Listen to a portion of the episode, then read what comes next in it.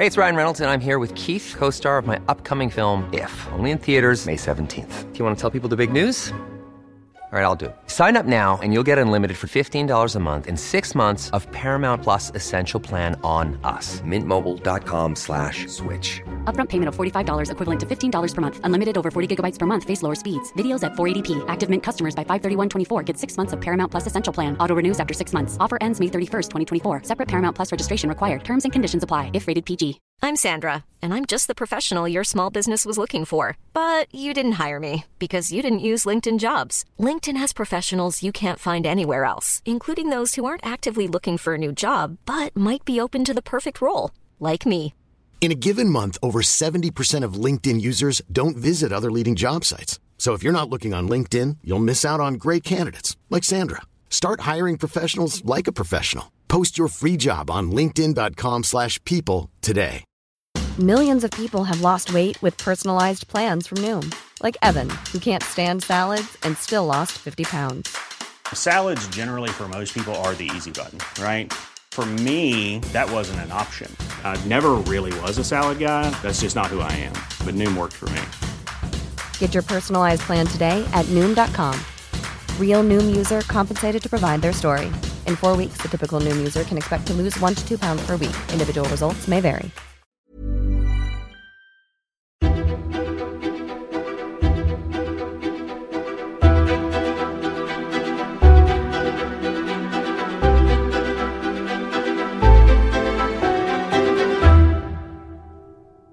Välkomna till Krimmagasinet, en aktualitetspodd inom ämnet True Crime. Jag heter Tobias Henriksson. Om du vill stötta den här podden ekonomiskt så går det alldeles utmärkt. Gå in på patreon.com krimmagasinet och donera en valfri summa. Med den här podden, som ju kommer ut varje vecka, har jag valt att fakturera månadsvis så värdena är lite högre än vad ni är vana vid från mina andra poddar, där ni ju betalar per avsnitt. Men med de två nivåer jag har just nu så motsvarar det 2 respektive 5 dollar per avsnitt. Om du hellre vill göra en engångsdonation, ja då hittar du alla sätt att göra detta på i avsnittsbeskrivningen. Som utlovat kommer det två avsnitt av krimmagasinet den kommande veckan på grund av att ett avsnitt uteblev för ett par veckor sedan. Dels kommer vi att följa upp en av Sveriges största miljöskandaler, nämligen den om Think Pink som ni hörde om i förra avsnittet, med den dittills största BT Kemiskandalen i skånska Teckomatorp. Det andra fallet kommer att fokusera på ett mer aktuellt ämne och som vanligt kommer ni att få reda på vilket det är samma dag som avsnittet släpps. Men BT Kemiskandalen började med just företaget BT Kemi eller BT Kemi KVK AB som det formellt hette. Fram till 1971 hette företaget Bönelycke och Turö AB och de var ett företag inom den kemtekniska sektorn. Tillverkningen bestod till största delen av takpapp, träskyddsmedel och ogräsbekämpningsmedel, främst fenoxisyror, i Malmö och mellan åren 1965 och 1979 i Teckomatorp. Hösten 1965 flyttade nämligen Bönelycke och Ture, som ursprungligen var ett danskt företag, men som samma år köpts upp av Höganäsgruppen, vad som då var Sveriges enda växtgiftfabrik, från Malmö till Teckomantorp efter att det hade stått klart att företaget skulle få svårt att expandera i Malmö. I Teckomantorp såg läget helt annorlunda ut. Orten behövde en stor arbetsgivare efter att sockerbruket lagts ner och många ortsbor sökte jobb. Företaget avsåg att expandera rejält i det lilla skånska samhället och produktionen av växtgift flyttades in i sockerfabrikens gamla lokaler.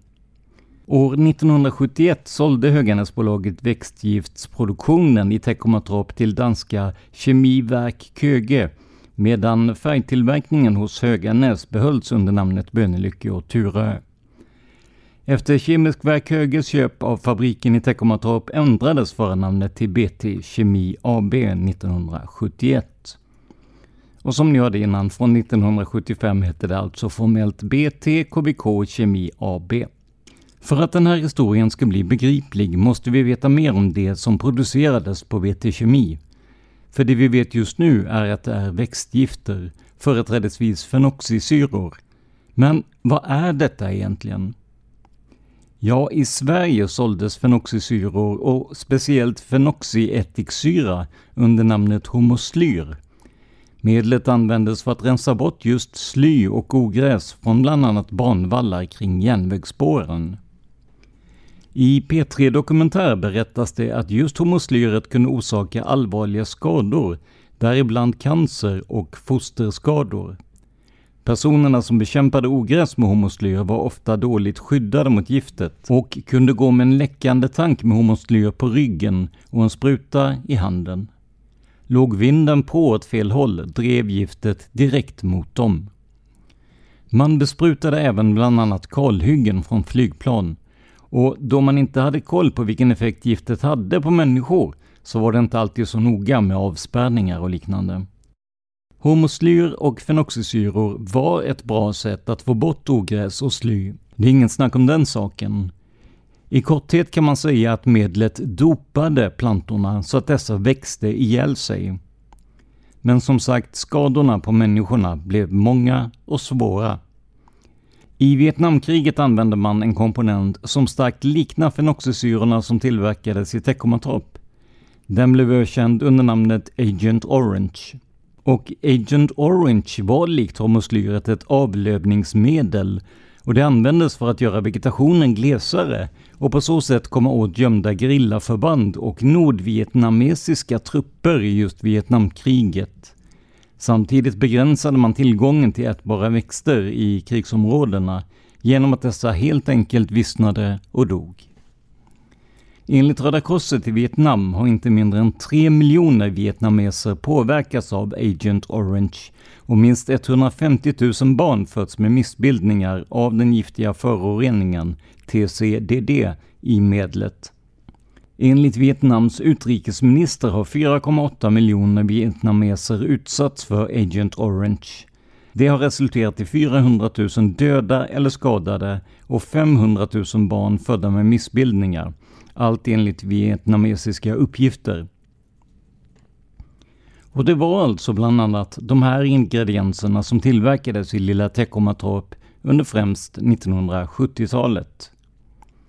Och för er som inte känner till Teckomatorp så kan vi nämna att det är en tätort med runt 1800 invånare. Orten ligger i Svalövs kommun i Skåne län.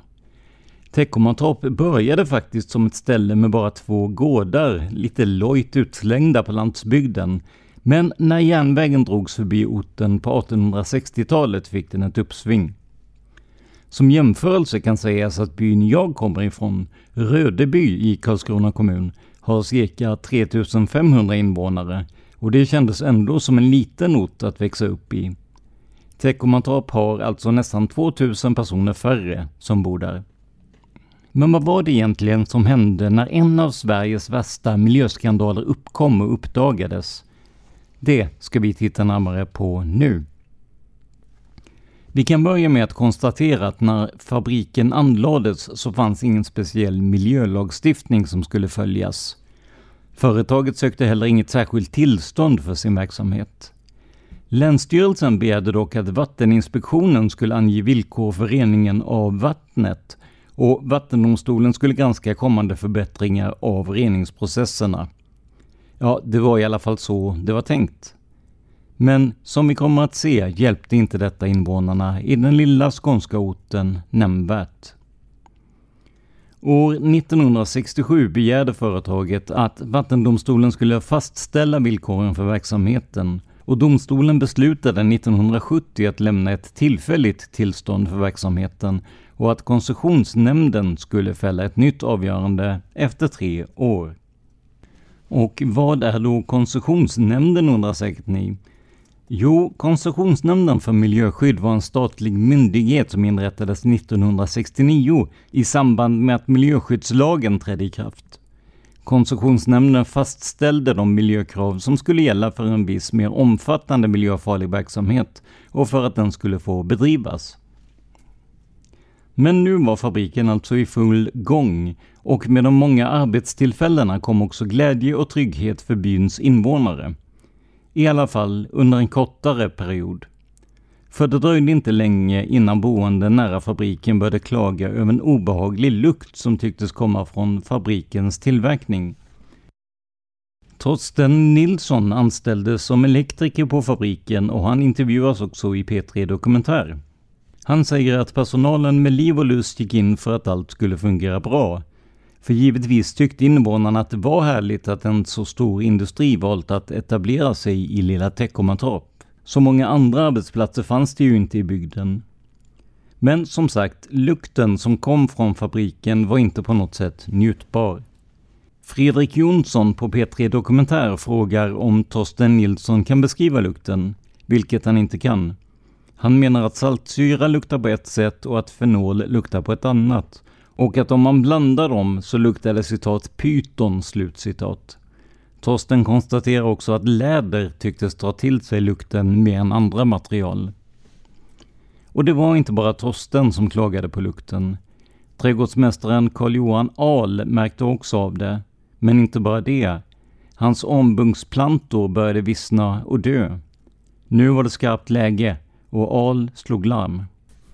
Tillverkaren BT Kemi hävdade hela tiden att deras produkter var ofarliga.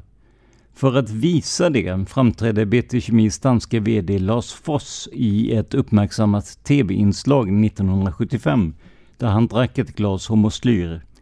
Ryktet om att Lars Foss kort efter inslaget dog i cancer har spridits, men faktum är att Foss avled först 2007, då 83 år gammal. Statens växtskyddsanstalt undersökte vattnet i Braån som rinner genom samhället och fann att vattnet nedströms från BT Kemi var giftigt.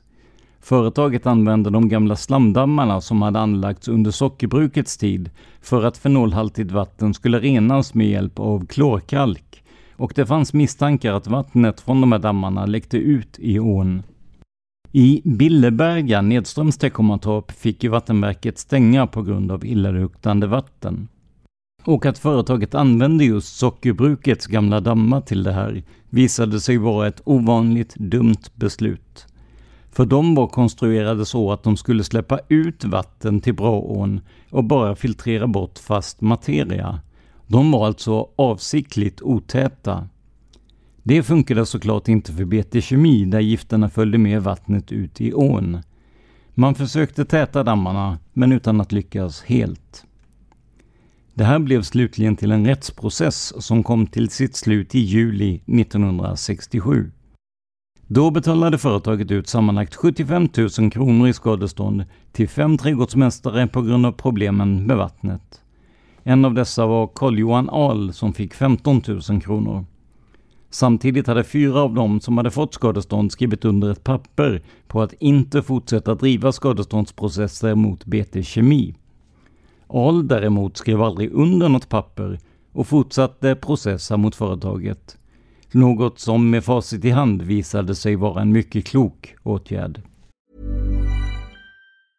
If you thought the only way to get a more defined jawline with natural-looking results was through surgery, think again. Juvederm Volux XC is a non-surgical injectable gel filler that improves moderate to severe loss of jawline definition and can help you achieve natural-looking results with little downtime. Even better, this improved definition lasts up to one year with optimal treatment. No maintenance required. Improve jawline definition for a smooth, sculpted look with Juvederm Volux XC. For important safety information and to find a licensed specialist, visit juvederm.com. That's J U V E D E R M.com. Not for people with severe allergic reactions, allergies to lidocaine, or the proteins used in Juvederm. Common side effects include injection site redness, swelling, pain, tenderness, firmness, lumps, bumps, bruising, discoloration, or itching. There's a risk of unintentional injection into a blood vessel, which can cause vision abnormalities, blindness, stroke, temporary scabs, or scarring. Talk to a licensed specialist to find out if it's right for you.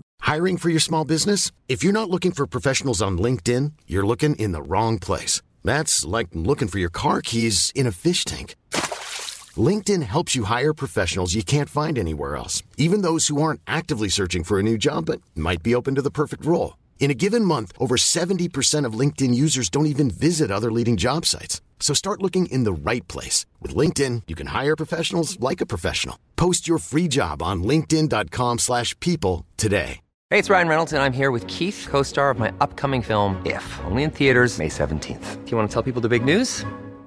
All right, I'll do. it. Sign up now and you'll get unlimited for $15 a month and six months of Paramount Plus Essential Plan on us. Mintmobile.com slash switch. Upfront payment of $45 equivalent to $15 per month. Unlimited over 40 gigabytes per month. Face lower speeds. Videos at 480p. Active Mint customers by 531.24 get six months of Paramount Plus Essential Plan. Auto renews after six months. Offer ends May 31st, 2024. Separate Paramount Plus registration required. Terms and conditions apply if rated PG.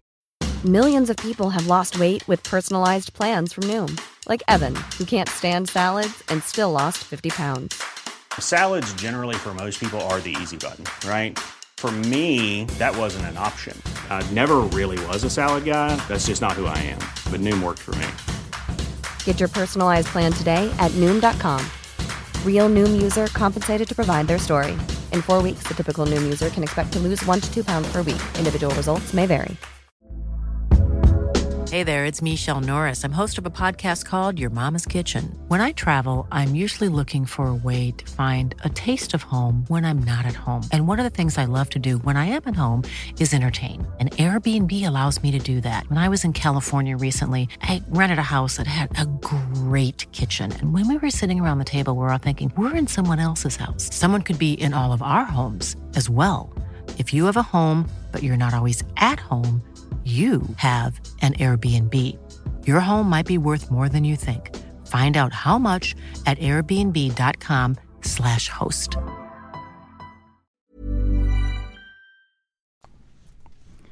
För i oktober 1971 började företaget under ledning av platschefen Ragnar Nilsson gräva ner hundratals 200 liters fat med filtermassor som innehöll fenoxisyror på fabriksområdet. Det här var alltså i strid med såväl sunt förnuft som med alla lagar och regler. Man begravde helt enkelt de filtermassor som skulle rena naturen från giftiga ämnen i naturen. Att tunnor faktiskt grävdes ner kom senare att kunna styrkas, men vi kommer till det. I P3 Dokumentär berättas att BT Kemi slarvade med sina tillståndsansökningar, men trots detta gjorde myndigheterna ingenting. För företaget hade ju lovat att förbättra reningsprocessen. Samma reaktion, det vill säga ingenting, fick den namninsamling som organiserades och där 600 personer skrev på en protest mot den dåliga lukten. Listan togs emot av den kommunala hälsovårdsnämnden som dock inte gjorde något. En indisk invandrad genetikforskare kom till den skånska orten i början av 1970-talet och snabbt kunde han konstatera att barnen som gick i skolan på orten ofta kom hem med huvudvärk och illamående. Han insåg snabbt att något inte stämde. Vid ett möte i Billeberga påtalade han att utsläppen kan orsaka levercancer och barnleukemi, men han säger själv att ingen trodde på honom. Det fanns också en utbredd tanke om att en utomsocknes inte skulle komma dit och berätta för dem vad som var farligt eller inte. Men nu började BT Kemi-skandalen så sakta nå ut i media. En reporter på Kvällsposten skrev om de märkliga lukterna i samhället och pratade med den närboende hemmafrun och småbarnsmamman Monica Nilsson. Det här föll dock inte i god jord hos bolagets VD Göran Pravitz. Han hotade att stämma tidningen och redaktionschefen stoppade publiceringen. Företagets ansökan till Koncessionsnämnden för den fortsatta tillverkningen krävde många kompletteringar och först 1975 kunde nämnden godkänna verksamheten. Beslutet innebar att företaget gavs ett tidsbegränsat tillstånd som gällde i fyra år och de måste förbättra verksamheten på 23 punkter. Under tiden fortsatte ortsborna att protestera mot företaget och utsläppen nu med tillägget att folk börjat bli sjuka och allergiska av utsläppen. Ingenting hände. De nedgrävda tunnorna som vi berättade om tidigare började nu bli ett slagträ i debatten. Monica Nilsson, som alltså bodde i Teckomantorp, slog larm om detta. Men varken det eller den tidigare namninsamlingen för att påverka Koncessionsnämndens beslut 1975 hade någon effekt. Nilsson vände sig då återigen till Kvällsposten som förberedde en ny artikel efter hennes berättelse om misstankarna om nedgrävda tunnor med gift. Artikeln publicerades dock aldrig eftersom företagets direktör Göran Pravitz hade fått nys om den planerade publiceringen och än en gång hotade stämma tidningen. Så det vi har att göra med så här långt är ett företag som släpper ut orimliga och rent av hälsofarliga mängder gift i dricksvattnet och i luften kring Teckomatorp. Men så fort ämnet kommer upp till debatt, ja då hotar man med stämning. Man kan ju tycka att om de inte hade något att dölja så hade man heller inte haft någonting emot publiciteten. Men det fanns saker att dölja. Mycket saker. 1975 tvingades företaget att börja gräva på sitt eget område efter larm om att tunnor med gift skulle ha grävts ner. Och det tog inte lång tid innan man hittade det man sökte. Mer eller mindre sönderrostade tunnor med farliga halter av bland annat fenoxisyror och dinoseb påträffades. Företaget hävdade dock att de tunnor som hittades endast innehöll ofarliga filtermassor men det här var en lögn som kom att avslöjas kort efter att provtagningarna var färdiga. Företaget hävdade nu att nedgrävningen hade skett med Länsstyrelsens tillstånd, men något sådant tillstånd ansåg sig inte Länsstyrelsen ha lämnat. Fynden ledde till att BT Kemis direktör Göran Pravitz och platschefen Ragnar Nilsson åtalades enligt brottsbalkens bestämmelser om vårdslöshet med gift Carl Johan Ahl kontaktade hösten 1975 stiftelsen Miljöcentrum i Uppsala och dess förgrundsfigur, miljödebattören Björn Gillberg. Genom provtagningar upptäckte Miljöcentrum fenoxisyror i jorden i Ahls växthus och i bevattningsvattnet.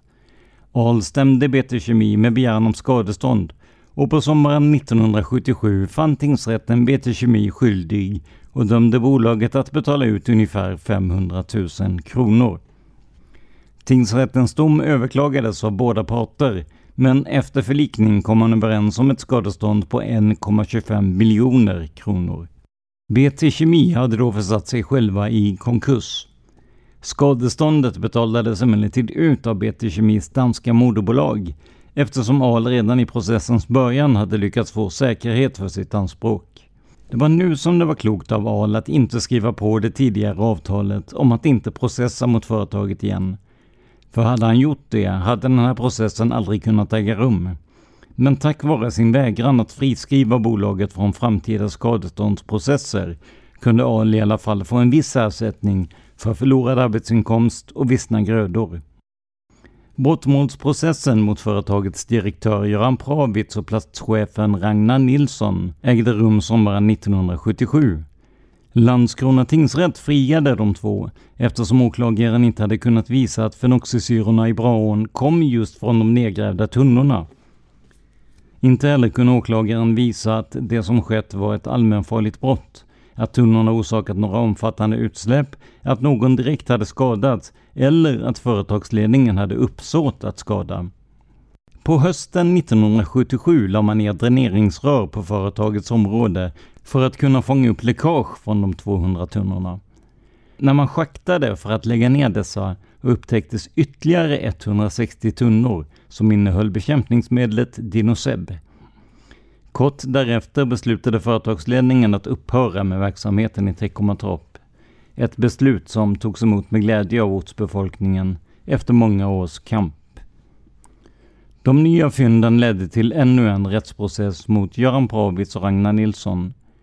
Den tidigare domen hade visat svårigheten med att få de ansvariga dömda och länsåklagarens åtal gällde därför luftföroreningar från fabriken Länsåklagaren hävdade att företaget lämnat oriktiga uppgifter och att större utsläpp skett nattetid. Tingsrättens dom 1982 innebar ett frikännande av Pravitz vad gällande miljöbrottet. Ragnar Nilsson hade då redan avlidit i cancer. Även om jag inte kunnat styrka det hundraprocentigt kan man misstänka att cancern uppstod efter alla år med de cancerogena gifter som fanns i och omkring fabriken. Göran Pravitz dömdes dock till dagsböter för vissa ekonomiska oegentligheter, men inget mer än så. Fabriksbyggnaden sprängdes den 22 februari 1979. Det innebar att alla gifter som eventuellt fanns i fabrikens väggar, tak och andra konstruktioner kunde spridas med sprängdammet över samhället igen. Det här var den första gången sedan företaget lades ner som risken för nya skador var akut. Det område där man hittade gifttunnorna kapslades också in så att inget gift skulle kunna läcka ut. På det här sättet hoppades Svalövs kommun att den så kallade skamfläcken skulle rensas bort. Men hur gick det egentligen med saneringen? I runda slängar kan vi säga att företaget fanns på plats i 15 år. Hur lång tid tog det då att sanera? Ja, betydligt längre än så. Så sent som 2022 skrev tidningen Syre att nya gifter bildats i samband med saneringen av området. Giftsaneringen har pågått sedan fabrikens nedläggning och på senare tid har den bedrivits med en teknik där värmerör borras ner i marken och föroreningarna förångas, samlas in och går vidare till en saneringsanläggning. Men här uppstod det problem. För måltemperaturen på 300 grader har inte hållits överallt, vilket lett till att restföroreningen dioxiner bildats. Dioxiner som är ytterst giftiga för såväl människan som djur och natur. Naturvårdsverket skriver bland annat att dioxiner bildas oavsiktligt vid förbränningsprocesser där ämnen som innehåller klor förekommer, till exempel vid sopförbränning och produktion av järn och stål. Tidigare var även bilavgaser och klorblekning av papper betydande källor. Dioxiner är fettlösliga, svårnedbrytbara och toxiska, egenskaper som gör dem skadliga om de sprids i miljön.